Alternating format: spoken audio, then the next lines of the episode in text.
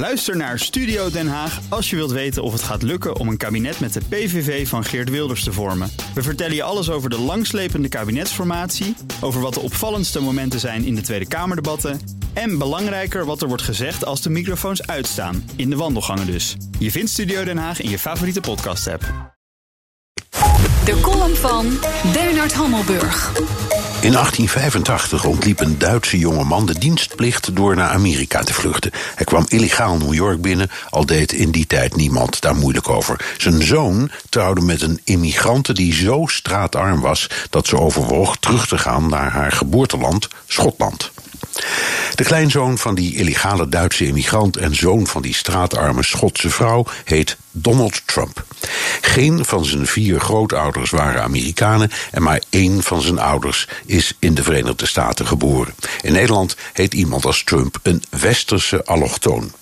Van Trumps vijf kinderen heeft trouwens alleen Tiffany twee Amerikaanse ouders. Ivanka is ook een westerse allochtoon.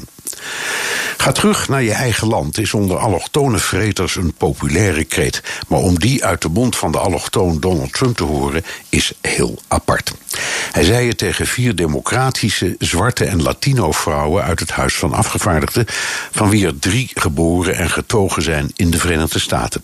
Ze worden de Bende van Vier genoemd, onder leiding van Alexandria Ocasio-Cortez, en gaan enorm tekeer tegen de erbarmelijke behandeling van migranten in detentiecentra en tegen de razzia's in de grote steden om uitgeprocedeerde asielzoekers het land uit te zetten. Met die razzia's valt het nogal mee en het beeld dat Trump er harder tegenaan gaat dan zijn voorgangers klopt niet. Zijn voorgangers Clinton, Bush en Obama gooiden meer illegale het land uit dan Trump. Obama verwierf zelfs de bijnaam Deporter in Chief. Maar dat zijn we alweer vergeten, vooral omdat Trump alles, ook het opsporen en uitzetten van illegale, met zoveel bombarie doet. Uit de actie van de bende van vier zou je veronderstellen dat de verontwaardiging over het uitroken van illegale het grootste is onder immigranten. Maar dat is een misverstand. Legale immigranten, ook in Nederland, hebben keurig de visumprocedures gevolgd en betalen belasting en premies. Illegale geven hen een slechte naam en stelen hun banen, vinden ze.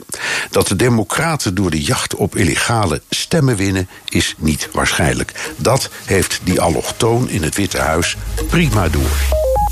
En dat zei onze columnist Bernard Hammelburg. Elke woensdag is hij uh, hier columnist. U kunt al zijn columns terugluisteren op bnr.nl en in de BNR-app. Net als alle andere columns van alle columnisten die we hebben. En dan kunt u ook alle mooie podcasts vinden. Ook Diana Matroos vind je in de BNR-app. Ja, inderdaad. Je kunt live naar mij luisteren tijdens de Big Five. Ook handig in de BNR-app. Breaking nieuwsmeldingen, maar ook het allerlaatste zakelijke nieuws. En je vindt in de app alle BNR-podcasts, waaronder Wetenschap Vandaag. Download nu de gratis BNR-app en blijf scherp.